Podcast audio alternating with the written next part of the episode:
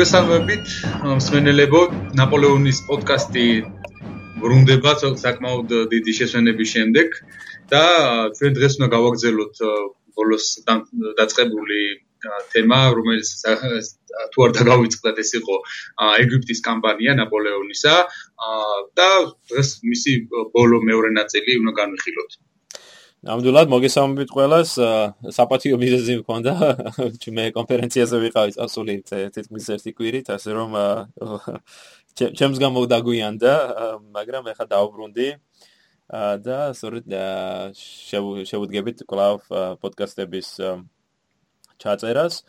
წინა პოდკასტში ჩვენ ვისაუბრეთ სწორედ ეგვიპტეში ფრანგების შემოჭრაზე, პირველ წარმატებებზე, შუბრახიდან, გიზასთან, ხო, იმ ბამბასთან უფრო სწორედ ასე როგორც ეს უფრო სწორი იქნებოდა ამ ბრძოლის დარქმევა და შემდეგ უკვე კაიროში ფრანგების შესვლაზე და მაგრამ ამავე დროს ჩვენ ისიც აღნიშნეთ, რომ პირველი მნიშვნელოვანი წარუმატებლობაც შეხვდა მათ აბუკირთან ბრძოლის დროს ხომ ფრანგული საზღვაო ძალები დამარცხდა და ნაპოლეონი ფაქტიურად აღმოჩნდა იზოლაციაში ეგვიპტეში.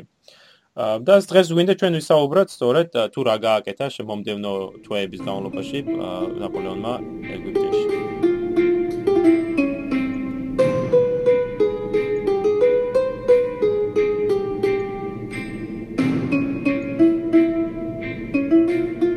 კაიროს ამ დროისათვის საკმაოდ დიდი ქალაქი არის, დაახლოებით 9 მილიონი მოსახლეობა აქვს. ანუ ზომის მიხედვით იქნებოდა პარიზის ხელა ქალაქი. ნაპოლეონი როდესაც მან დაიკავა კაირო, დასახდა ადგილობრივი არჩინებული პირის Base სახში და დაუყოვნებლივ დაიწყო ადგილობრივი ხელისუფლების და საზოგადოების რეფორმირებას. აა მან შექმნა ახალი საბჭო დივანი რომლიც ადგილობრივი წარჩინებული პირებისგან იყო შექმნილი.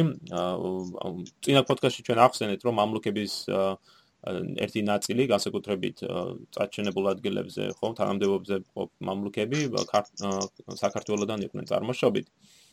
და ჩვენ ხედავთ სწორედ ამ მომენტში, რომ ეს ქართველი მამლუქები უმეტესწილად აა უპირისპირდებიან ფრანგებს და აგრძელებენ ბრძოლას იბრაჰიმ ბეისთან და მურად ბეისთან ერთად, ხოლო სხვა მამლუქები თუნდაც სირიული, ეგვიპტური, ადგილობრივი თუ სომხური წარმოშობის, ისინი უფრო ახლოს არიან ფრანგებთან თანამშრომლობის მხრივ. და სწორედ ამ ამ მამლუქებისგან და ადგილობრივი წარჩინებული პირებისგან შექმნა ნაპოლეონმა ეს ეს დივანი ეს ეს საბჭო რომელიც შემდგომში დაერქვა დიდი დივანი grand divan და მას სათავეში დაუყენეს შეიხ ალ-შარკავი რომელიც მეტად პროფრანგულ პოლიტიკას ეწეოდა ამ პერიოდში ამ დივანს ფაქტი შეკვეცილი ძალაუფლება გააჩნდა. ბუნებრივია ფრანგები როგორც ოკუპაციო ძალა ხომ ყველაფერს წვითავენ მაგრამ მნიშვნელოვანი იყო ასეთი დივანის შექმნა ვიდრე ის ადგილობრივ მოსახლეობას შეუქმნიდა წარმოადგენას რომ რომ ადგილობრივი თვითონ თვითონაც მონაწილეობდნენ მონაწილეობდნენ ნამდვილად ხო. ანუ მაინც ფრანგებს ეკუთვნოდა ა შემდეგ ნაპოლეონმა დაიწყო უკვე რეფორმების ჩატარებას. მან დაარსა პირველი თანამედროვე საპოსტო სისტემა ეგვიპტეში შექმნა ქუჩების განათების სისტემა კაიროში დაარსა სპეციალური ქვედანაყოფები რომელთა რომელთა მიზანი იყო ქუჩების გაწმენდვა და ქალაქში წესრიგის მოყვანა.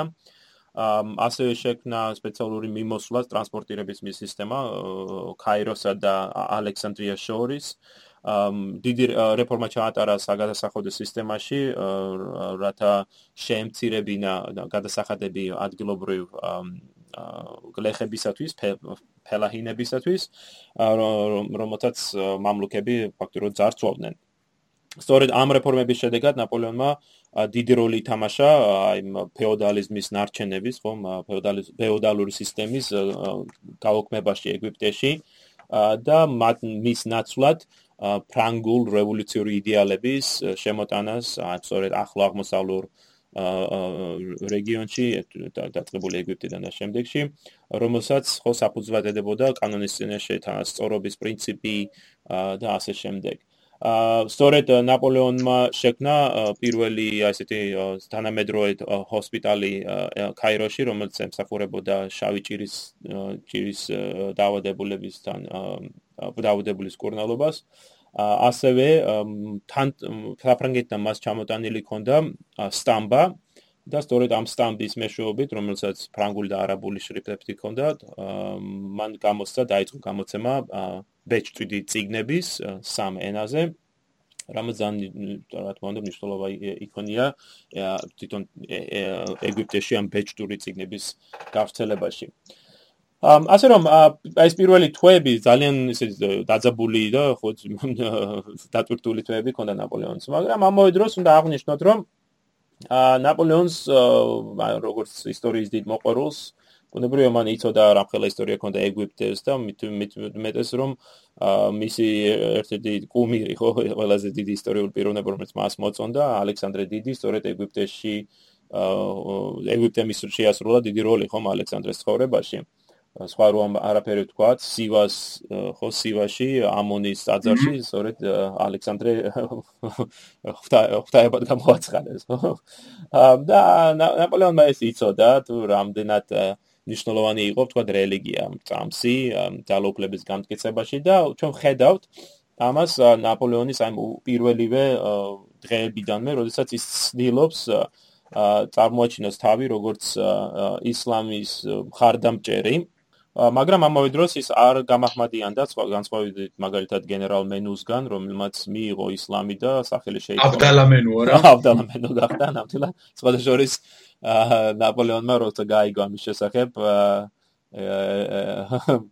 მას მას დაწერა ეს სულელი მენუო რომ ერთის ანუ იცი რა არის საინტერესო აქ რომ ერთის ხრივ ნაპოლეონი იყენებს ისლამს იმისათვის რომ ძალაუფლება გამოიყენოს მაგრამ მისთვის არ აქვს ამ წამს ხო როგორც ასე რელიგიურ წამს. დიდად დიდად არც მენუს არ გამოადგა მაინც და მაინც.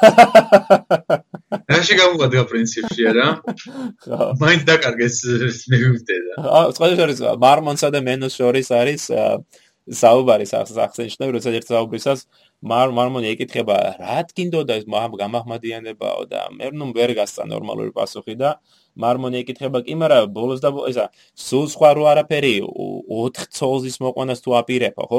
ამაში მაინც გამოიყენე მუსლამიო რა რომ ბევრი ცოლიანობის მომენტში და მარმონ ესა მე ნუ მაგაზე თუ არის თქვა რომ ერთი მეყოფაო და ისე რო დაბრუნდა საფრანგეთში რა ქნა მე ისლამი ისლამიებურმა ამ ხო და შემდგომში ნოცა ნაპოლეონმა აა ნაპოლეონ უკვე გადასახლებაში ყოფნის დროს ნაპოლეონს კითხეს კიდევაც რომ აი აა ეგვიპტეში ეგვიპტეში ყოფნისას რომ მან აი ესეთი მეტად პრო პროისლამური განწყობით რომ გამოაჩინა თავლი და არაერთი პროკლამაცია გამოაქვეყნა რომელშიც ადიდებდა და აკებდა ხო თქვა ისლამს აი ნამდვილი იყო ეს ეს მისი გზნობები და თუ აპირებდა საერთოდ გამახმადიანებას ნაპოლეონმა ეს სიცილით უპასუხა რომ რა თქმა უნდა არა ჩემთვის ერთი წამსი არსებობს და ეს არის ბრძოლა. მაგრამ ეგვიპტეში ყოფნის დროს მან ეხლა იცოდა ეს ამაზე გასაკვირი არ არის რომ მოსახლეობის უმეტესი ნაწილი იყო მუსულმანი ხო და მნიშვნელოვანი დანიშნულოვანი იყო რომ ამ საოკუპაციო ჯარს გამოეჩინა რაღაც რიდი ხო რაღაც თავაზიანობა ამ ამ ადგილობრივ მოსახლეობის წამსის მიმართ. და სწორედ ნაპოლეონი აი ამას აკეთებს. ის ყველანაირად ცდილობს ხაზი გაუსვა იმას რომ აი აქ არის არა იმიტომ რომ შელახოს მუსულმანების უფლებები არამედ პირიქით რომ დაიცვას ისინი. მან მას მაგალ არანაირი ზომა არ მიუღია, თქვა რომ აღეკვეცა ისეთი პრობლემები, რომელიც თქვა რელიგიასთან იყო დაკავშირებული, თქვა აი პოლიგამია, ხო? არანაირი შეწყვეტვა არ ყოფილა, თქვა ადგილობრივი მამაკაცების შესაძლებლობაზე რომ მოიყვანათ ერთზე მეტი ცოლი, ხო? ასევე კარგი ურთიერთობა დაამყარა მან, ყოველ შემთხვევაში ცდილობდა რომ დაემყირებინა ულამასთან, ანუ ადგილობრივ სასულიერო პირებთან, არაერთხელ ქონია პირადი შეხვედრები მათთან, საუბრობდა ყორანზე, ისლამის ისტორიაზე და ამით ცდილობდა რომ ხაზი გაესვა, რომ მის თქმა რიც ადგილობრივ წესრიგების მიმართ. აა საინტერესოა რომ მან გამოაქვეყნა არაერთი საინტერესო გამოცემა სწორედ ამ ეგვიპტეში ყოფნის დროს პირველი როგორც აღნიშნე პირველი ციგნებიც დაბეჭდი ციგნებიც გამოიცა მაგრამ ამ ჩემთვის პირადად უფრო უფრო საინტერესოა გაზეთები პირველი არ ფრანგული და არაბული გაზეთები რომელიც გამოიცა ეგვიპტეში ჩვენ შეგვიძლია ვთქვათ ვისაუბროთ ისეთზე როგორც არის ვთქვათ courrier de l'Egypte რომელიც გამოცემა დაიწყო სწორედ 98 წლის შემოდგომაზე და ამ ამ გაზეთის მიზანი იყო როგორც ადგილობრივი მოსახლეობის ნაწილისათვის, ასევე ფრანგული ჯარისათვის მიეწოდებინა ეს კონკრეტული ინფორმაცია, რომელიც ხო თქვა ნაპოლეონს მიაჩნდა მიზანშეწონილად.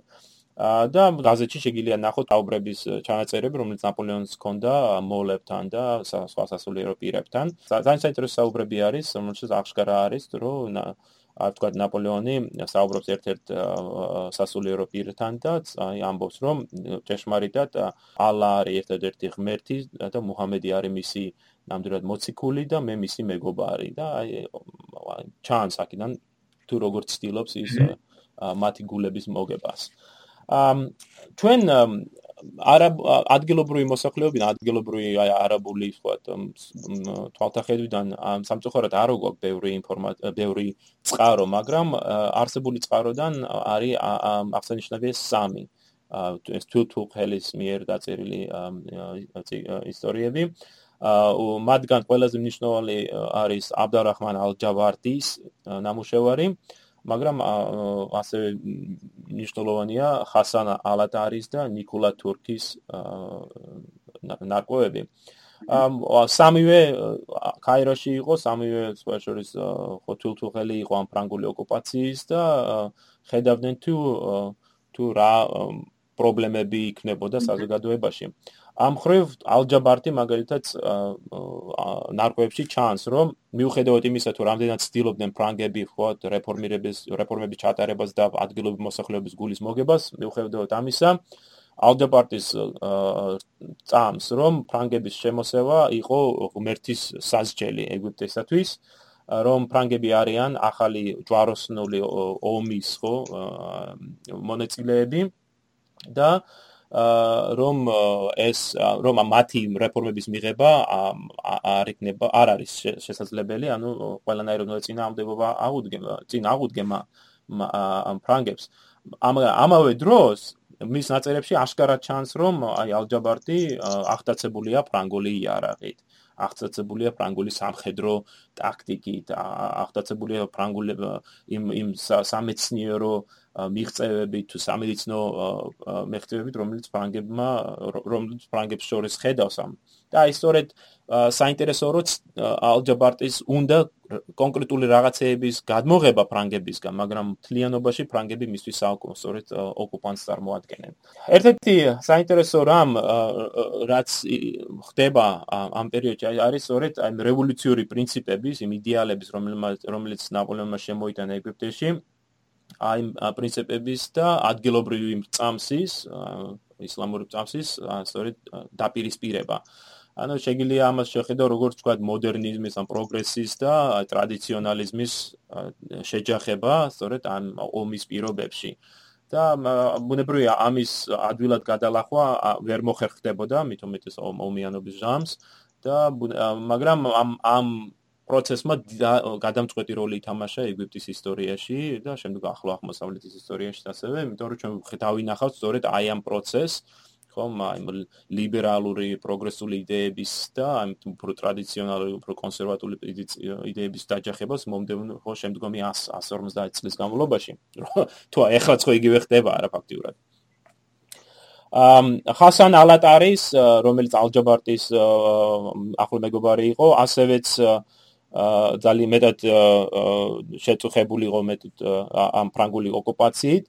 და ერთის ხრივ ისიც აღწაცებული არის აი ფრანგი მეცნიერების ნამუშევრებით და თუ რასაკეთებდნენ ისინი, მაგრამ ამ მეორე ხრივ თუ მის ნარკვევებს გადახედავთ, მუდამ მუდამ ფიქრობს იმაზე, რომ ძალიან ახლოს არ უნდა მათთან თანამშრომლობა, რომ როცა ფრანგები წავლენ და მას იმედი აქვს, რომ მალე წავლენ, რომ ამ ხასან ალატარს არ კონდეს, თქვა აი კოლაბორაციონიზმის ბრალდება დადებული მის წინ. აა ნიკოლა თურკიც ძალიან საინტერესო პიროვნება არის. წი სოციალის შეხვდა ნაპოლეონს და ერთ-ერთ ნაკრებში ერთ-ერთ ადგილას აღწერს კიდევაც ნაპოლეონს როგორც doubles, გამხდარს, ფერმკრთალ პიროვნებას, მეტად ჭკვიანს და იღბლიანს და ჩემთვის საინტერესო ერთი ამ ამ აღწერისას რატომღაც ნიკოლა აღნიშნავს რომ ნაპოლეონის მარჯვენა ხელი მარჯვენა ხელი უფრო გრძელი იყო მარცხენაზეო.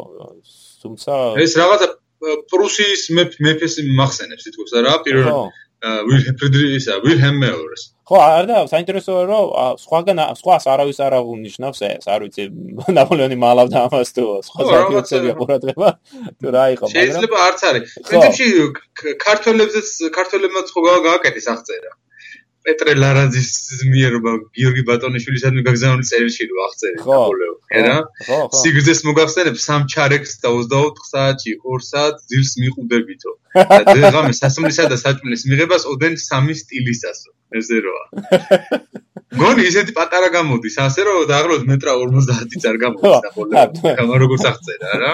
ხო არა და დაბალი გამოდის მარტო ნამდვილად მაგრამ აა კაი, აი აი გარაუშოს. ვა ეს 20 საათი 2 საათს რო ძინავს, მიდებით ერთლად ტყუილი არა, არა? ხო, ხო, აი არა ზამთრად.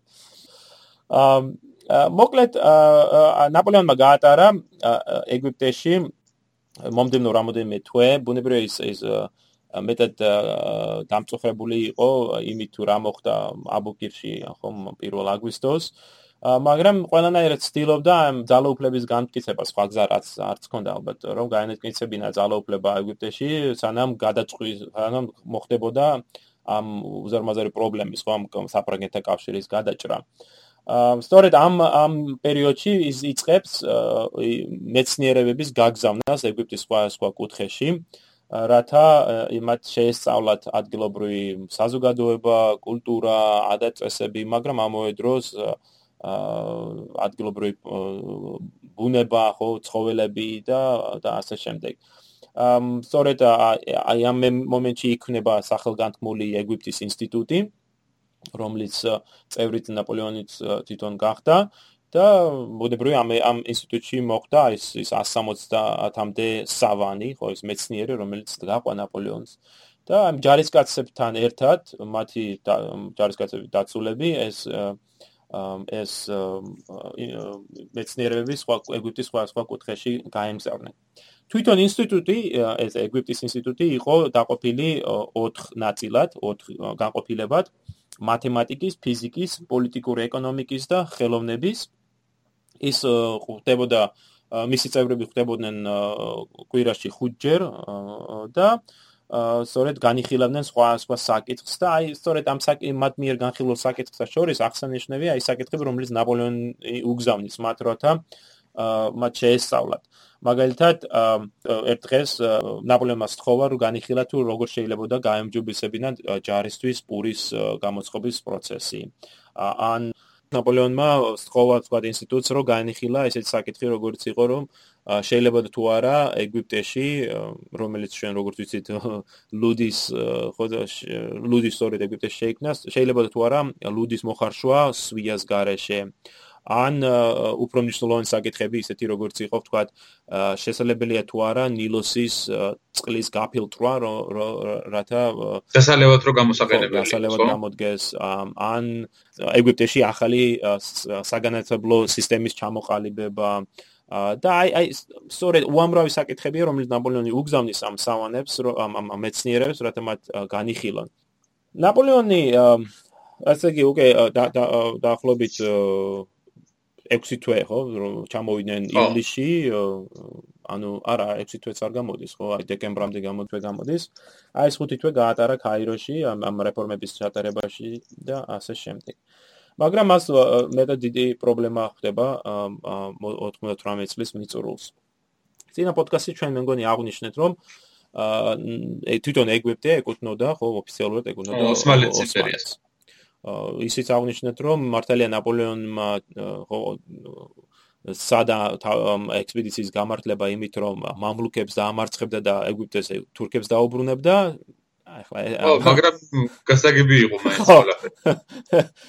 გასაგები იყო ნამდვილად.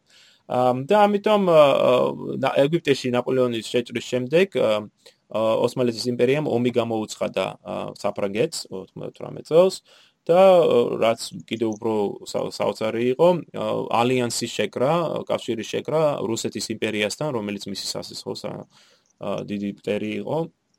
და სწორედ ოსმალეთი გამოდგა აი ამ ახლა ჩამოყალიბებული მეორე კოალიციის აქტიური წევრი. და საფრანგების ძინაამდე დაიწყო სამხედრო მომზადება, რომლის მიზანი იყო ხომ ეგვიპტეში, ეგვიპტიდან ფრანგების განდევნა.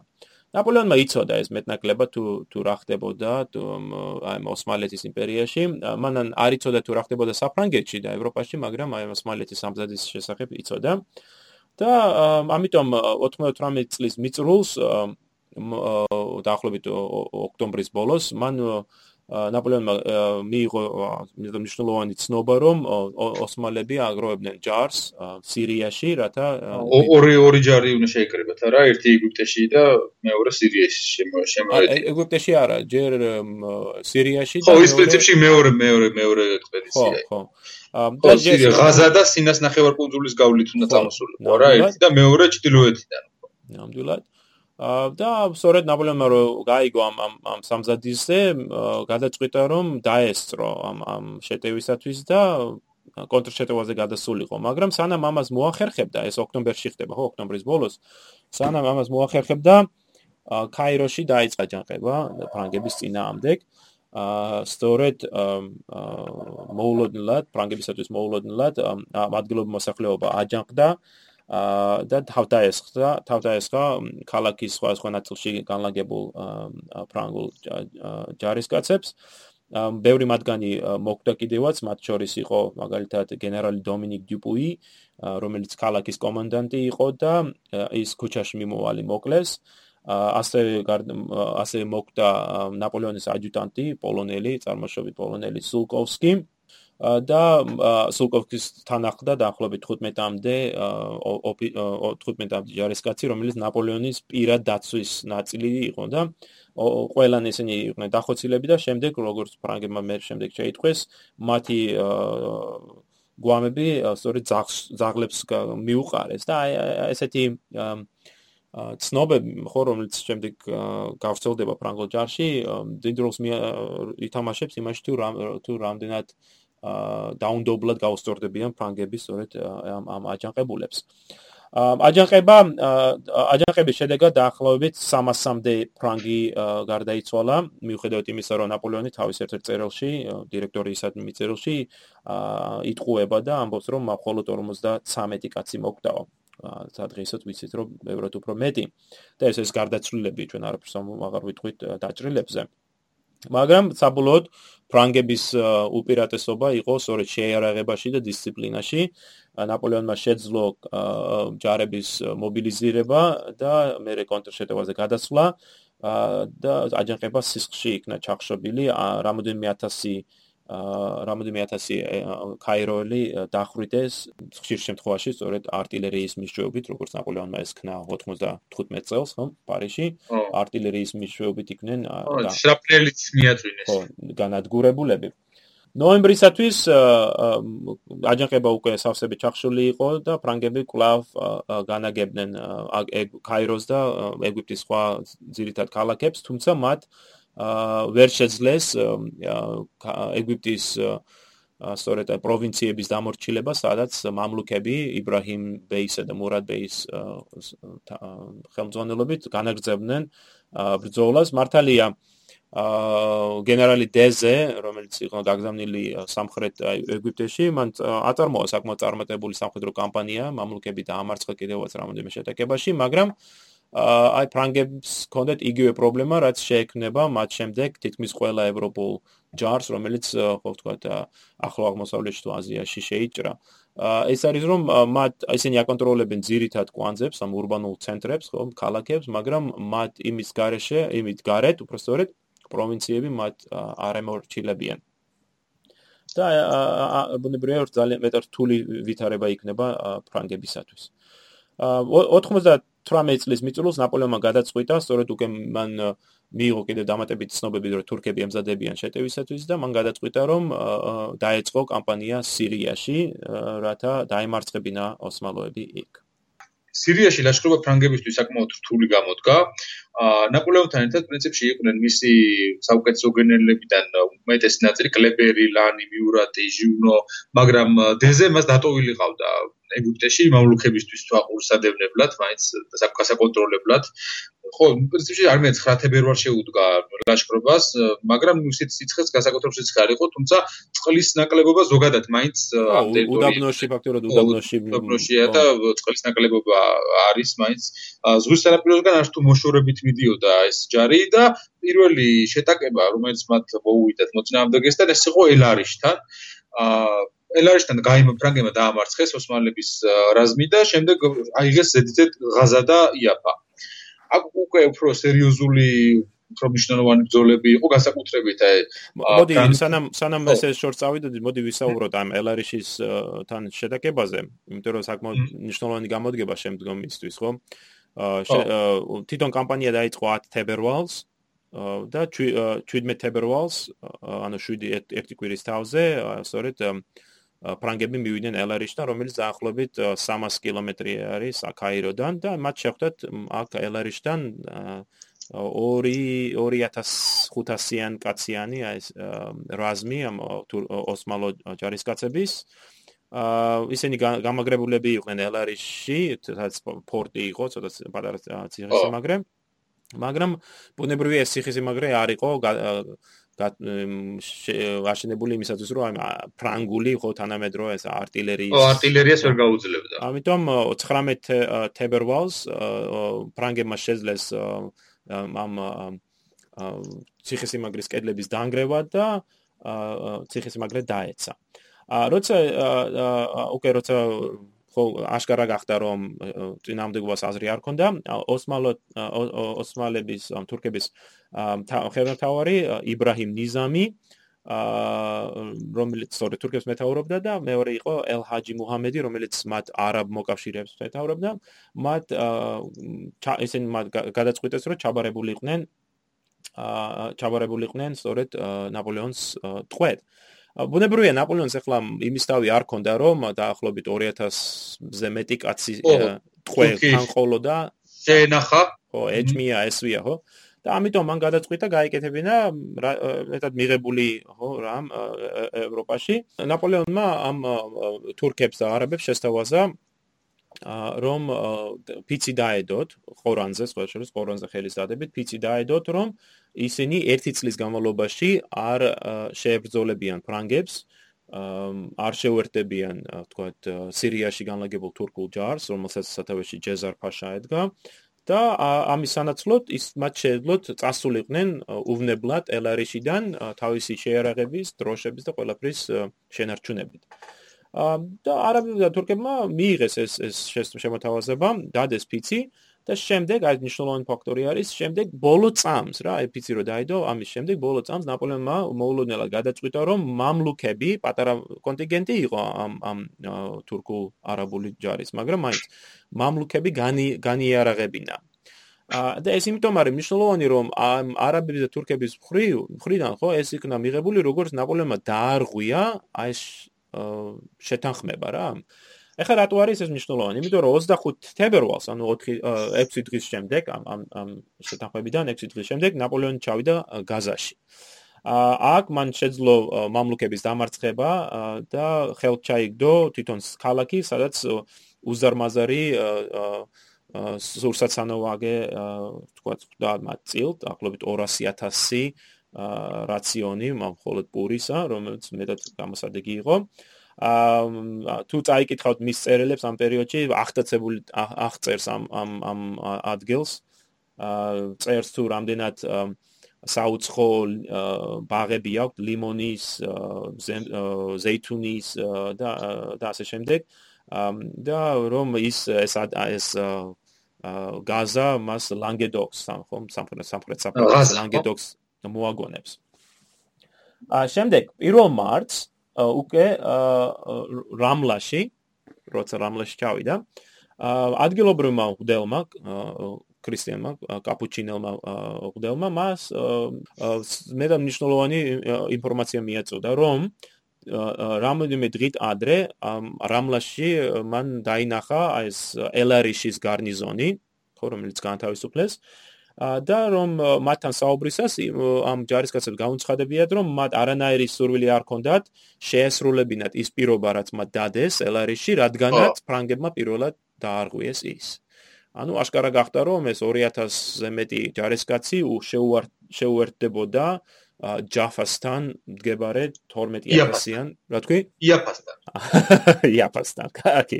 არა, ჯაფას არ ეგენი მე ხოლმე აქ. ჯაფას ვიტყვი ინგლისურ ხაინა. აი, რა როგორია. ვინდერეთავა გაგვიჩეული აქ იაფას რო ეხება. და იქ დაახლოებით 12000 კაციანი გარნიზონი იყო და ეს კიდე 2000-ზე მეტი კაცი შეუერთდებოდა. ანუ ნაპოლეონის მეტად გაბრაზებული იყო, თუმცა გარკვეულწილად თავის თავს უნდა დაბრალებოდა, ხო ეს.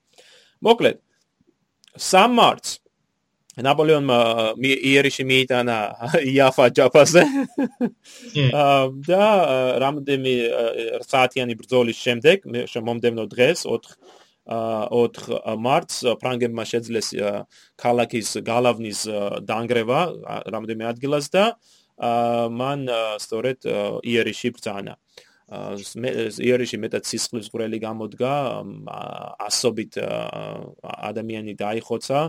სხვა შორის ერთ-ერთი მეცნიერი რომელიც ამ ექსპედიციას თან ახლდა აქ აღწერს თუ რამდენად ასობით ადამიანის გვამი ეყარა სხვა მათ შორის ქალებისაც და რამ ბავშვებისაც რომელიც ქალაქში იყვნენ ამ ამ ამ შეტევის შედეგად.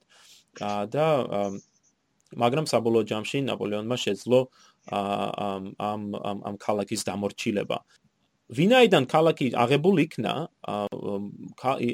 ჯავაში ტყვეთა შორის აღმოჩნდა სწორედ ის გარნიზონი, რომელიც ნაპოლეონმა გაუშვა ელარიშიდან. და აი სწორედ საკითხავი იყო რა უნდა უყოთ ჩვენ ამ ხალხს. ეხა ფრანგების ყურიდან ხო ფრანგებისათვის ამ ამ გარნიზონმა დაარღვია პირობა ხო? მიუხედავად იმისა, რომ ფრანგებმა პირობა დააყენეს, მაინც მა დააღვიეს პირობა უკვე და არ იყო არანაირი გარანტია, რომ კიდევ ერთხელ რომ გაეშვათ ისინი, კვლავ არ განაგრძობდნენ ბრძოლას ფრანგების წინააღმდეგ. ამიტომ 6, 7 და 8 მარტს სამი დღის განმავლობაში ნაპოლეონი და მისი გენერალები ჭობდნენ თუ რა გაიკეთებინათ. რა მოემექმედებინათ ამ ტყვეთა მიმართ და საბოლოოდ მან გადაწყვიტეს რომ ეს ყველა ტყვე უნდა დახვერტილიყვნენ. მეტად ისეთი მომენტია რა აა 9 მარტს დაწყებული ეს ასობით ეს ტყვე იქნა განიარაღებული მე შემდეგ მათ გაიყვანეს ქალაქიდან დაახლოებით 2 კილომეტრის მანძილზე სანაპიროზე და გენერალ ბონის დივიზიის ჯარისკაცები მათ ესენი ყველა დახვრიტეს. პრინციპში მითი ხო ესენი დახვრიტეს და მისე როგორც ვიცი რაღაც ნაწილი უკვე შემდგომში ისე ჩახოცესო იმის garaშეო პრიების არა? ჩვენ ვაკ რამოდენმე წყარო ამაზე ალბათ ყველაზე კარგი იქნება. ლუი ანდრე პეირუსი რომელიც სწორედ ამ დროს ამ დროს წერს წერილს დედამისთან და ამ ანუ თვითხელია და ის წერს მაგალითად რომ დაახლოებით 3000 კაცი იყო ამ დასახრეთი ფრანგებმა დაყვეს ეს 3000 კაცი კატეგორიებად ეგვიპტელები, მაღრებელები და თურქები, ანუ ოსმალოები როგორც ასები.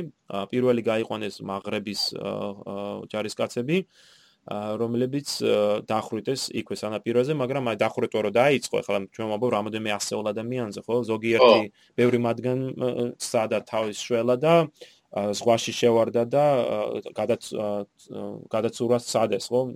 მაგრამ უმეტეს მათგანი სწორედ წყალშივე ჩახოცეს ან უბრალოდ დაიხრჩნენ იქ.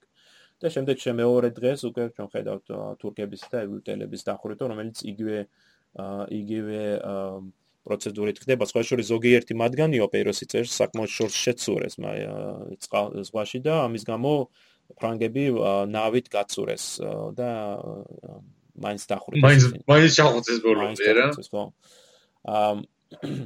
ისიც არის აღსანიშნავი რომ მე მეორე დღის ბოლოსკენ ნაპოლეონმა ბრძანა რომ შეენახათ ტყვია წამალი და ეს ბოლო რამოდენიმე ასეულია და ტყვე კი არ დახვრიტეს არამედ ხიშტებით ო, აი მე გეცნობა მე ვერ გაშენხვედრია რომ ხიშტები და ხოცესო და ამის ერთ-ერთი მიზეზად სახელდება ხოლმე თა რომ ტყუების დაზოგვა უნდა. ხო, აი აი პეირუსი დედამისთან მიწერილ წერილში ზუსტად აი უშუალო წერს ამას ეს ციტატა შემიძლია მოიყვანო.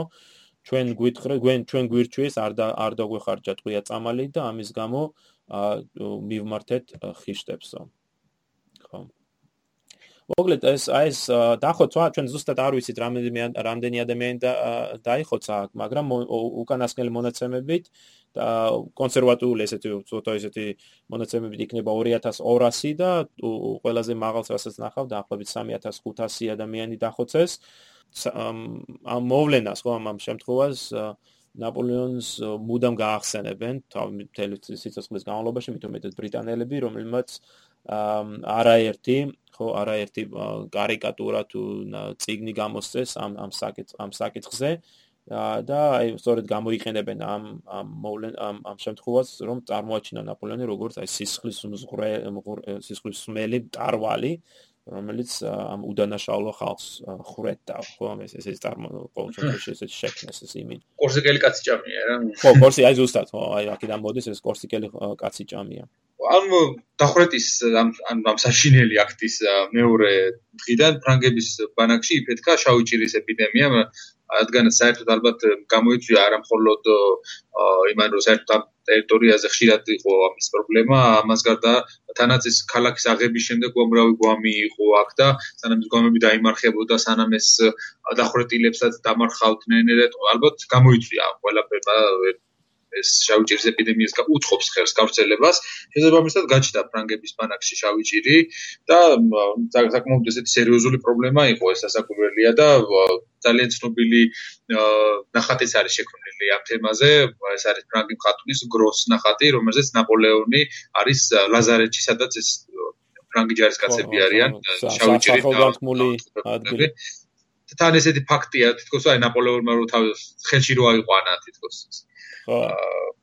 ხო ნუ რამე კუთილველი არის იმისა რომ თქვა ის შევიდა სწორედ ამ და შეხებია კიდევაც რათა ხო იცი რაღაც მორალური სტიმული მიეცა ხო ჯარისკაცებისათვის ხო. სხვა შორის იცი რა ჩვენ დაგვავიწყდა ალბათ და ნიშნულოვანია ამის აღნიშნა რომ ამ ჯარისკაცების დახვრეტვაზე ხო შემდეგში ნაპოლეონი ეცდება რომ თავი გაემართლებინა იმით რომ რომ საჭმელი არ გააჩნდა საკმარისი რომ რომ ეკვება ეს ხალხი. მაგრამ აი მე აღნიშნე ეს გაკვირდა მინდა ხაზი გაუსვა რომ ეს ეს არგუმენტი ბათილდება იმით რომ გიზა გაზაში მათ უზარმაზარი სუსტაცანოვაგე ჩაიგდეს ხელთ. ანუ ის პრობლემა იმდენად ის არ იყო რომ აი როგორ ეჭმიათ ან ეკვებათ ეს ეს ეს ტყვეები არამედ თვითონ აი ეს ფაქტი რომ მათ დაარღვიეს ეს ეს პირობა არის შედეგად ხო რის შემდეგ ისინი ეს ეს სასტიკად იქნენ გასწორე დახვრეტილები.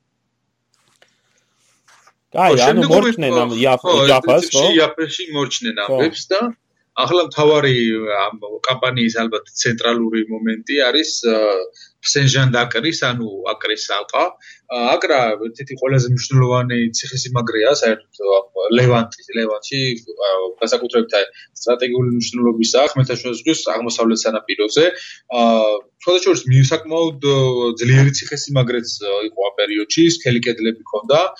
აა მაგრამ თავარი მაინც რაც იყო რაც იცავდა ამ ქალაქს. ამ შემთხვევაში იყო ის რომ ჯერ ოსმალები საკმაოდ ძლიერი გარნიზონით იდგა. ამავე დროს ინგლისელები უჭერდნენ ხარს ინგლისის ფლოტი ზღვის მხრიდან ეხმარებოდა მათ. გამაგრებული იყო ზარბაზნებიც ჰქონდათ ტყვია წამალი საკმარს ჰქონდათ და სახომალდო არტილერიაც მხარს უჭერდა ზღვიდან. ამ ამ ამ ეს კადრას მეთაურობს სიდნეი სმიტი ხო? ცნობილი მას გააჩნია ორი ძლიერი ფრიგატი თესეუსი და ტიგრი. და თან სიდნეი სმით თან ახლავს ფრანგი სამხედრო ინჟინერი ანტუან ფილიპო რომელიც არის ნაპოლეონის ყოფილი გასელი რომელიც ხო ეხლა ჩვენ ვისაუბრეთ კიდევაც ადრე ამ ამ ამ პიროვნებაზე და აი ეხლა ნაპოლეონის და ფილიპოს ცხოვრ ხო გზები კლავ ერთმანეთს გადაეკვეთა და ფილიპოს ჩაებარა სწორედ ამ აკრის დაცვის, ხომ საარტილერიო დაცვის მეტაურობა. ხოლო თვითონ აკრა ეკუთვნოდა ხომ ამ დროისათვის სახელგანთმულ ჯეზარ ფაშას, ხო? ერთ-ერთ ყველა სასტიკ პიროვნებას ის ის პერიოდია. ყავით ხალხის მომწავლელ კაცს. მართლაც რომ რა. სხვაჟორი საინტერესო ისი მაგის წინ იყო მან სირიას განაგებდა ქართველი ფაშა. და სწორედ რამდენი წლით ადრე გადააყენეს ეს ქართველი და ეს ჯეზარი დანიშნეს. ნეტავ ის ქართველი რო ყოფილიყო რა მოხდებოდა აო პრინციპში ეს ჯეზარი შესაბამისი მოწინააღმდეგე იყო სამწუხაროდ სამწუხაროდ ნამდვილად და სასტიკი და სისხლისმელი ფაშა ყავდა დანიშნული ჯეზარ ფაშა. ხო ნუ ეს სიდნეის მიტის э, დახმარება როგორც ვთქვი ძალიან მნიშვნელოვანი იყო. პრინციპში მუდმივად აწვდიდა სურსაც ანუ აგესაც იარაღსაც და ასეთ შემთხვევაში ასეთი ძლიერი ციხესიმაგრის აღება რა განსაკუთრებით როცა ფრანგებს артиლერიის პრობლემაც ჰქონდათ უკვე ამ დროს საკურველია განსაკუთრებით რთული იყო. აა ხო ანუ ციხის აქ ეცი რა მინდა აღნიშნო ერთი რამ აა იმისათვის რომ ეს ციხეები აიღოთ, ხომ, ნაპოლეონს სჭირდებოდა მძიმე артиლერია და ამ მძიმე артиლერია გადატანა ზაკმორთული არის, ხომ, ამ მუდაბნოში დემაში. და ამიტომ რასაკეთებდა ელარიშიდან დაწყებული ამ артиლერიას აგზავნიდა პატარა ფლოტილაზე. 9 გემიანი ფლოტილა იყო კომოდორ პიერ ჟან სანდელეს მეთაურობით. სწორედ ამ ამ ფლოტილის მეშვეობით შეძლეს ამ წინა ქალაქების აღება. აა მაგრამ შემდეგ აი როცა აკრასთან მივიდნენ და აი ეს აკრა მდებარეობს ხომ ჰაიფასთან, ქალაქ ჰაიფასთან დღესდღეობით. და სწორედ აი აქ ერთ დღეს 15 მარტს ნაპოლეონი დგას სწორედ ჰაიფის მხარეს და გადახურებს ამ ზღვას და ხედავს თუ როგორ სტენდელეს ეს ფლოტილა ნელ-ნელა მიიწევს ზღვის ზღვაში ხო მიიწევს ქალაქისკენ და ამ დროს გამოჩნდება სიდნეი სმითი და ამ თელ ფლოტილას თავისივე ძიმე артиლერიით და ყველა დანა ხომ ყველაფრით ხელს ჩაიგდეს. აი ამის დანაკარგი აი ეს ძიმე артиლერიის არის გადამწყვეტი როლი რა. იმიტომ რომ პრინციპში ძიმე артиლერიის გარეშე გალავნით დანგრევა და შეღწევა ძნელი იყო, რადგან გართულებული იყო და შესაბამისად ნაპოლეონის შანსები რომ ესეთი ძლიერი ციხის მაგრე რომელიც მუდმივად მარაგდებოდა აიღო ბევრად ნაკლები გახდა. თანაც საქმე ისიც არის საქმე, რომ მარტო ამ აკრაში გამაგრებული ოსმალები არიყვნენ. ამ შემთხვევაში მოწინააღმდეგეები. დამასკოს ფაშაც ფაშა აბდულაც 30000 ჯარისკაცით მოემართებოდა უკვე. პალესტინისაკენ და შესაბამისად ეს პრობლემა შეუქმნიდა ფრანგებს, თანაც მიუხედავად ისიც გასათვალისწინებელია, რომ ფრანგებს დაახლოებით 13000 კაცი ყავდათ არა, როგორც ვთქვით. კი. ამ კამპანიაში თან ნაწილი ავათი იყო, ნაწილი ბრძოლაში დაიჭრა და ამომრავი პრობლემა ექნებოდა ამ ხრივ. თანაც ერთი მხრივ ეს ალყაუნა ეწარმოებინა, მეორე მხრივ ის მოეგერიებინა ოსმალების შემოტევა და შესაბამისად აკრის ალყაც გართულდა, მაგრამ თუმცა ფრანგებმა მაინც საკმაოდ დიდი ხნის განმავლობაში შეძლეს გაეგზელებინათ ამ ქალაქის ალყა, თანაც საკმაოდ სასტიკი ბრძოლებიც იმართებოდა აკრასთან. მრავალი ფრანგი ჯარისკაცი დაიღუპა, რასაკვირველია, დამცველებიც ბევრი იღუპებოდნენ, მაგრამ რადგან ეს артиლერიის პრობლემა ქონდათ მუდმივი, მაინც პირველი გალავნის შემდეგ გადალახვას ფრანგები ვერ ახერხებდნენ. ხო, თვითონ ალყა 9 კვირა გაგრძელდა და ამ 9 კვირის განმავლობაში ფრანგებმა 12-ზე მეტი იერიში გამოიწვეს, ასე რომ საკმაოდ. იცი რა არის კიდე აღსანიშნავი? ნაპოლეონმა თავისი штаბი ხო ეს და და აშენა ტურონის მაღლობზე, რომელიც თვითონ ქალაქიდან ახლა შეგიძლიათ მიხვი ჩახვიდე და ნახო მე რო ვიყავი მოვინახულო კიდევაც ან ისეთი აი დღეს დიდი არაფერია მაგრამ მაინც. და ამ ტურონის მაღლობზე ის სწორედ ის ადგილი აირჩია სადაც 1191 წელს რიჩარდ ლომგულმა დააყენა თავისი კარავი და საიდანაც ის ის იბრძოდა. ანუ ეს ორი ხო დიდი ისტორიული პიროვნება სწორედ ზუსტად იგივე ადგილიდან მეთაურობდნენ ამ თავის თავიან ჯარს შენ ახსენე დამასკოს ფაშა ხო? რომელიც ამ დაახლოებით 30000 კაცით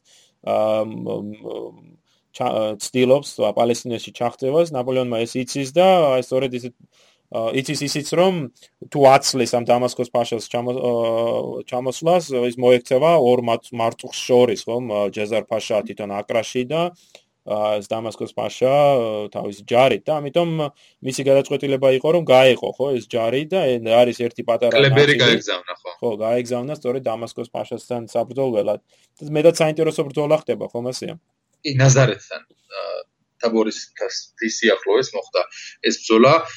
ფრანგებს როგორც უნდათ რომ ღამით დასხმოდნენ თავს თურქების ბანაკს, მაგრამ არ იცოდნენ კარგად ეს ადგილმდებარეობა და ისე მოხდა რომ დღეს შეეფეთნენ ერთმანეთს ფრანგებისა და ოსმალების ჯარი, თანაც კლებერის რაზმი და საკურველია ბევრად ცირერიცხოვანი იყო, იმიტომ რომ 2500 კაცი ყავს სულ. სულ 2000 გასა და ანუ ამხელა არმიის წინააღმდეგ ძალიან გაურთულდა მას სასაკურველია ბრძოლა და შემდეგ ნაპოლეონი იძულებული გახდა რომ თვითონაც მოეხსნა ერთი დივიზია. არა, სანამ ნაპოლეონზე მივალ თვითონ ეს ბრძოლა არის გასაოცარი რა. აი მე ჩავედი სწორედ ვიყავი ამ აკრის აი ეს თაბორის ფთის ბრძოლის ველზე და აი საოცარი არის რამოდენიმე მთა ხო თვითონზე მთა თაბორის მთა და რამოდენიმე პატარა მთა არის იმის ირგვლივ და მე არის ძალიან დიდი ველი. და ეს კლებერი ცდილობდა ღამით გასულიყო ამ ამ ველზე რადგან იცოდა რომ თქვა მოწინააღმდეგე რომ უფრო დიდი შანსი ექონდა რომ მოწინააღმდეგეებსაც შეუმჩნევლად გადაეკვეთა ეს მაგრამ ვერ მოახერხა და აი 16 აპრილის დილით 6 საათზე მზე ამოდის და ფრანგები ზეთ შუაგულ ველზე არიან და წარმოიდგინე ვერ მოასწრეს გადასვლა. და ამ დროს მოდიან ისინი ოსმალები რამხელა წარმოგიდგენი არა. 30000-მდე კაცი რო გამოა და კლებერის პირველი ხო პირველი ბრძანება არის შექმენით კარე და ეს ორი საწოდავის 2500 კაცი ქმნის ორ დიდ კარეს და მთელი დღის განმავლობაში ბრძიმ ლომევით იბრძვიან ამ ხელა ჯარის წინააღმდეგ გასაოცარია რა ყველანაც ჩანს ჯერ გამხელა უპირატესობა კონთ ამ ფრანგი მეუბრებს ოსმალებს შედარებით იმ დროისაც ხო იმედია 2500 კად განადგურებას ახლა ევროპული არმია წელიწადში განადგურებდა ხო თან ისე რა არის წყალი აკლია რა აქვს წყალი საკმარისი ახლა 6 საათი იბრძოდნენ და უკვე დღის მე ხო შუა დღისათვის აღარ აქვს საკმარისი სიცხე ასე თუ ისეა ხო. და მე კლებერი ბძანებს ამ ბძანა რო ეს დიდი ორი კარე ახლა რამდენიმე ადამიანი ხო უკვე დაიღუპა ხო? და ეს ორი კარე ერთმანეთს შეერწყმევა და შეიქმნება ერთი უზარმაზარი ოთხკუთხედი ხო ეს კარე და ესე იგი გადაწყვეტილი აქვს რომ ბოლომდე იბრძოლონ იმიტომ რომ იციან რომ ამათ არანაირად არ დაინდობენ ხო? და აი უნდა მოკვდნენ და აი ამ დროს 16 აპრილის ხო ამ დღის მეორე ნახევარში აი ერთ-ერთი მთის წვერზე ერთ-ერთი ჯარისკაცმა დაინახა რაღაცა ბრწყინავს. ხო და აი ამ მიანიშნა კლებერს რომ რაღაცა ხდება იქა და კლებერმა გაიხედა და ეს არის დამაშველი ჯარი რომელიც ნაპოლეონმა გამოუგზავნა. იმ მაშველი ჯარების ამ იარაღის იარაღი ირეკლავს მზის შუბს რა არ მომიდგენია რამაც რა ემოცია იქნებოდა ახლა ამ და მოვიდა ნაპოლეონი და კი აჰა დაამთავრეს მოვიდა ზურაბა რა. მოვიდა პატარა კაპრალი. აა მოკლედ ბრძოლა დამარცხდა სასტიკი დამარცხებით. ხო, ძალიან სასტიკ ბრძოლაში საბოლოოდ ფრანგებმა მაინც მოახერხეს რომ უკან დაეხევინებინათ ამათვის, თანაც მიურატის კავალერიაც მონაწილეობდა რაღაც. ცირე, ხო, ცირე, მაგრამ მაინც მონაწილე და ხო გაედევნა და ძალიან რა ანუ დაახლოებით 6000 ფრანგი იყო ამ ბრძოლაში ერთიანო ერთიანობაში და 30000 ოსმალის მოგერიება მათ წარმატებით მოახერხეს და ამარცხეს ეს ძირითადი ერთ-ერთი ძირითადი ნაწილი ოსმალეთის არმიისა.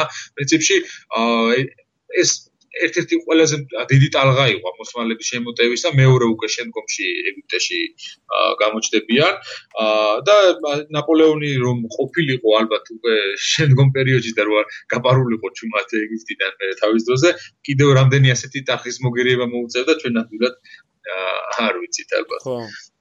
ხო, ბრძოლის მერე ესენი უბრუნდებიან აკრას და აგზელებენ ამ გარემოცომ ამ ალყას, მაგრამ უკვე აშკარა ხდება, რომ თვითონ ტყვია წამალიც კი არ აქვს. ერთ-ერთ ბრძანებას რო გადახედო, ეს არის მაისის დასაწყისიდან. იმდენად უჭირს რომ ბატონო ასე აღარ ქონდა ფაქტობრივად გაჩერებას, ანუ შანსი არ არის. არა, შეხედო, არა, ერთ-ერთი ბრძანებაა, რომ ნაპოლეონი სთხოვს ჯარისკაცებს მონახეთ რამე ხაღალდი. ხაღალძის კი არა აქვს იმისათვის, რომ შეახვიანოს ტყვია წამალი და აი კარტრიჯები, ხო, ტყვიები გააკეთონ. და ისინი ცდილობენ რაღაცა ნაკუჭ ნაკუჭები ნახონ ქაღალდის და ისინი გამოიყენონ. ანუ მართლაც აზრი არ აქვს. თუმცა ვიცით რომ მან წამოიწყო უკანასკნელი შეტევა, ხომ, მაისის შუა რიცხვებში. რა აი გადამწყვეტი შეტევა რომ აიღო ეს ქალაქი, მაგრამ ისიც დიდი დანაკარგებით არუმატებლად დასრულდა, ხო? ხო. ამიტომ 20 მაის 1799 წლის 20 მაის ამ 9 კვირიანი გარემოცვის შემდეგ ფრანგებმა ჯუმად ღამით მოხსნეს ალყა და უკან დაიხიეს. და თან ახლა რამდენი კარგი დაკარგა აქვს სამხედრო მათ შორის ეს გენერლებიც თუნდაც აი კაფარელი დაიღუპა. აბა მაგალითი კაფარელი. აა ესეთი ხო ცალფეხა გენერალი ნაპოლეონის, რომელსაც ცალფეხს სამშობლოში ჰქონდა დატოვებული. მეორე ნახევარი აქ დაიღუპა. რომ არაფერი თქვა, თქვა, ნუ ბუნებრივია გენერლების და ჯარისკაცების დაკარგვა მნიშვნელოვანი იყო, ამავე დროს მათ ასევე იძულებულები იყვნენ დაეტოვებინათ ციხესიმაგრესთან 23 ქვემეხი, რომელთა გამოტანა მათ წამოღება უკან არ შეეძლოთ. ასევე იძულებულები იყვნენ დაეტოვებინათ საკმაოდ დიდი სურსაცანოვაგე, რათა უფრო სწრაფად დახეულიყვნენ უკან. ასე რომ აი ეს უკან დახევა აკრიდან ერთ-ერთი ისეთი ყველაზე ძიმე მომენტი არის ნაპოლეონის ცხოვრებაში. აა 4 დღის განმავლობაში ამ აკრიდან იხევენ უკან ამ იაფასგენ, ჯაფისგენ და აი მეტად დამწუხრებული და ხო ყველა ყველა ხვდება თუ რამდენად რამდენად მნიშვნელოვანი მომენტია ეს. ამავე დროს არც ამინმა შეუწყო ხელი გაზაფხული ეს მაისი მეტად ცხელი გამოდგა თუ დაუჯურე ჩვენ ნაპოლეონს და მის გენერლებს ტემპერატურა 47 გრადუსამდე აღწევდაო უკეო და სწორედ ამ ამ უდაბნოში მიმოვალს ო საკმაოდ მარტო უწყლობის და ამ ზოგადად სულიერი განწყობის გარდა ფრანგებს ასევე შავი ჭირი აწუხებთ ვიცით რომ მაისის ბოლოსათვის დაახლოებით 50 50 კაცი კვდებოდა ამ დღის ყოველ დღე ანუ საკმაოდ დიდ დანაკარგებს განიცდიდნენ. ხო, მეტეს ახლა რაღა ხონდა დარჩენილი 13000 კაცი იყავდა ეგ წაყვანილი და ხო. იქიდან კიდე მაგდენი რაღა დარჩა, დაახლოებით რამდენი შეიძლება დაბრუნებული ხო აქედან. თან იაფაში როცა ჩავიდა, აა მან იქ არამოდენმე ასეული ფრანგი დაჭრილი და ავანტყოფიც მოინახულა კლავ და იცოდა რომ მათ გამოყვანას ვერ შეძლებდა. და ამიტომ წამოსვლის წინ დაელაპარაკა ნაპოლეონი თავის ექიმებს და მათ გადაწყვიტეს რომ იმის მაგივრად რომ დაეტოვებინათ იაფაში და თქვა თურქებს ჩავარდნოდა ტყვედ და ისინი მოკლავდნენ მათ ალბათ აწამებდნენ და მოკლავდნენ. ამის ნაცვლად ექიმთან დეჟენესთან საუბრის შემდეგ მათ გადაწყვიტეს ჩაიგეთებენ ფაქტობრივად იუთანასია ხო და ამ პაციენტ ავანტყოფებს და დაჭრილებს ძიმე დაჭრილებს მისცეს წამალი და ფაქტურად მოკლეს ისინი, რათა ხელთ არ ჩავარდნოდეთ ამ ამ ამ თურქებს. აა ეს ყოველივე ამან რა თქმა უნდა დიდი დემორალიზაცია გამოიწვია თვითონ ჯარშიც, ამიტომ უკანასკნელი რამოდენიმე დღე უკან დახევის ჩვენ არის კიდევაც არაერთი შემთხვევა, როდესაც ჯარისკაცები აშკარად ესე საჯაროდ გამოხატავდნენ თავიანთ უკმაყოფილებას. ერთ-ერთ შემთხვევაში ისიც ვიცით რომ ჯარისკაცებმა როცა დაინახეს ნაპოლეონ მიმოვალი მათ შესახეს კიდევაც რომ ეს ყველაფერი შენი შენი ბრალი არისო. ანუ არის ეს უკმაყოფილება ნაპოლეონ დაბრუნდა კაიროში 14 ივნისს ანუ წავიდა თებერვალში დაბრუნდა ივნისში და პირველი რაც მან თქვა იყო ბრძანება გასცა რომ მოემზადებინათ დიდი წვეულება აა ზარზეიმი გამარჯვებული ჯარის შესახვედრათო. ანუ უკვე ცდილობს რომ შეეცვა შეცვალოს რეალობა და ყველა წარმოაჩენოს ვითომ ხო, იმიტომ რომ ეგვიპტელებსაც უნდა აჩვენოს რომ დამარცხებული რო იყოს უფრო გამოიწევს იქ. ხო. ამბოხებები და ეს რო დაიწყება ნახავე რომ დასუსტებულია, დამარცხებულია და როგორ შეიძლება მისი დამარცხება სულთან ალქაბირის და ადვილად ხო, აი სირიაში ლაშქრობის შედეგად ნაპოლეონმა დაკარგა დაახლოებით 4500 კაცი. მართალია დირექტორიასთან მიწერილ წერილში ის მარტო ამბობს რომ 500 კაცი დავკარგე და 1000 დაჭრილიო ეს სიცრუე არის 4000-ზე მეტი კაცი ყავს დაკარგული რაც უზარმაზარი დანაკარგე იმის გათვალისწინებით რომ თლიანი ჯარი არის დაახლოებით 20000-ზე ნაკლები ხო? აა და აი სწორედ აი აი ესეთ ვითარებაში არის ივლისში როდესაც მან მიიღო შეტყობინება რომ ოსმალოთა მეორე ჯარი რომელსაც სათავეში მუსტაფა ფაშა ედგა მეორე ჯარი უკვე მზად იყო ეგვიპტეში შესაჭრელად. ანუ აი დამასკოს ფაშას განსხვავებით, რომელიც ცდილობდა პალესტინიაზე გავლით შეეჭრა, შესულიყო სინაიზე გასვლით შესულიყო ეს ეგვიპტეში გადმოუსხეს პირდაპირ. მუსტაფა ფაშა პირდაპირ ბრიტანელების დახმარებით პირდაპირ ეგვიპტეში შეიჭრა და მათი შეჭრა მოხდა სწორედ ივლისის ბოლოს დაბა აბუკირთან, სწორედ იქ სადაც ფრანგების ჯარი საზღვაო ძალა იქნა განადგურებული. მაგრამ ნაპოლეონი მათ დახვდა მზად და დაახლოებით 8000 კაცი ყავს მეტი კი არა მაგრამ კონტრშეტევა წამოიწყო ჯერ აცალა თურქებს გადმოსხმოდ გადმოსხმულიყვნენ ნაპირზე და მეორე შეუტია ხო და აქ არის სწორედ აი ცნობილი მიურატის შეტევა ო რომელი ნახატიც არის ამ მაგარი ნახატია ხო? ალბათ ასახული Facebook-ზე ალბათ დავსვა საჭირო იქნება იქ დავსვათ იმიტომ რომ ძალიან საკამ ძალიან მაგარი საკნახატი არის. თანაც თვითონ მეურატმა ძალიან გამოიჩინა თავი ამ ბრძოლაში, ორთა ბრძოლაში შეებრძოლა თვითონ მეტაურს თურქებისას. და და თითიც დააკარგინა ორთა ბრძოლა, ორთა ბრძოლაში მეურატმა. პრინციპში თვითონ სიდნეის სმიტი, რომელიც მონაწილეობდა ამ ექსპედიციაში, ძლივს მოასწრო ნავშჩაჯდომა და სამშვიდობოს გასვლა როგორც ვიცით, იმიტომ რომ ესეც აა გადმოსული იყო თურქებთან ერთად. თვითონ ნაპოლეონი აღნიშნავდა შემდეგ რომ ეს ბრძოლა ყველაზე მშვენიერი იყო, რომელიც კი მინახავს. ხო, მაგრამ ის არის ცოცხალი არავინ დარჩაო, აა? ხო, არის იცი რა არის საინტერესო აღსანიშნავი? აი ეგ აა ბრძოლის ბოლოსკენ რამოდენმე 1000 თურქი ჯარისკაცი დანებებად ცდილობდა.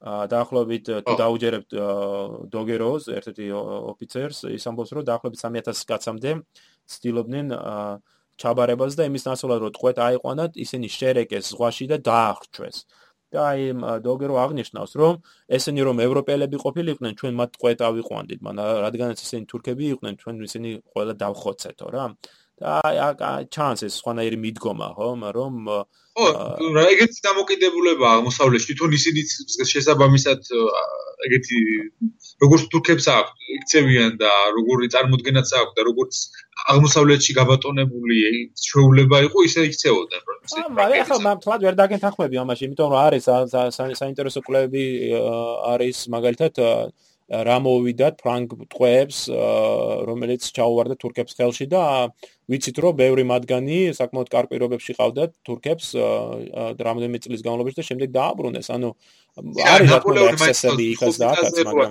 ჩასული და მუდმივად თანამ თურქებთან დაპირისპირება არენდობა ალბათ ამ ტყვეებს. მაგრამ ახლა მაშინ იგივე ის თქვა 2013 კაც უარ ცოტა ხო არ არის რა მაინც მაგრამ ახლა თქვა მაშინ პრუსიასთან ბრძოლის დროს რატო არ გაანადგურეს ესე ხალხი?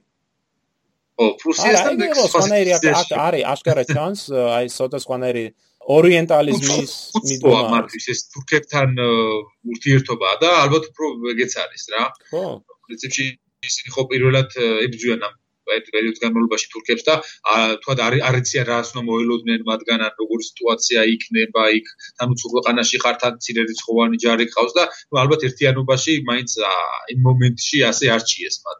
არა არა მე არა კულტურული მომენტი არის კულტურის წამსის რომ ესენი არ არიან ქრისტიანები ესენი არ არიან ევროპელები ახლა ფრან ნაპოლეონსაც ქრისტიანობა ნაკლებად მნიშვნელოვანი იყო მაგრამ თვითონ არის ეს მომენტი როდესაც შეიძლება აი მანაც მოქმედა მაშინ რომ თურქები თურქიის იმათმა რომ გამოთქვეს რომ ფრანგებმა არ შეასრულესო ისო ნუ ახლა ის აღკარა დააღვია ნაპოლეონმა ახლა საკითხავი არის თქვა ღირდა თუ არა იმათვის ამ რამოდენიმე მამლუქის გამო ამ ხელაპირობის დარღვევა ღირდა თუ არა ეგ სხვა საკითხავია მაგრამ ის რომ დააღვია აშკარა ა მოდი ახლა ისე რა გაგვიგრძელდა ჩვენ უკვე საუბარი მაგრამ მოდი აქ ჩვენ გავჩერდეთ და შემდეგ პოდკასტში ვისაუბროთ თუ რას მოიმოქმედებს ნაპოლეონი დარჩება ეგვიპტეში თუ დაბრუნდება საფრანგეთში. და რა ფეთი ელის თვითონ ამ ფრანგულ საექსპედიციო კორპუს ეგვიპტეში? ნამდვილად.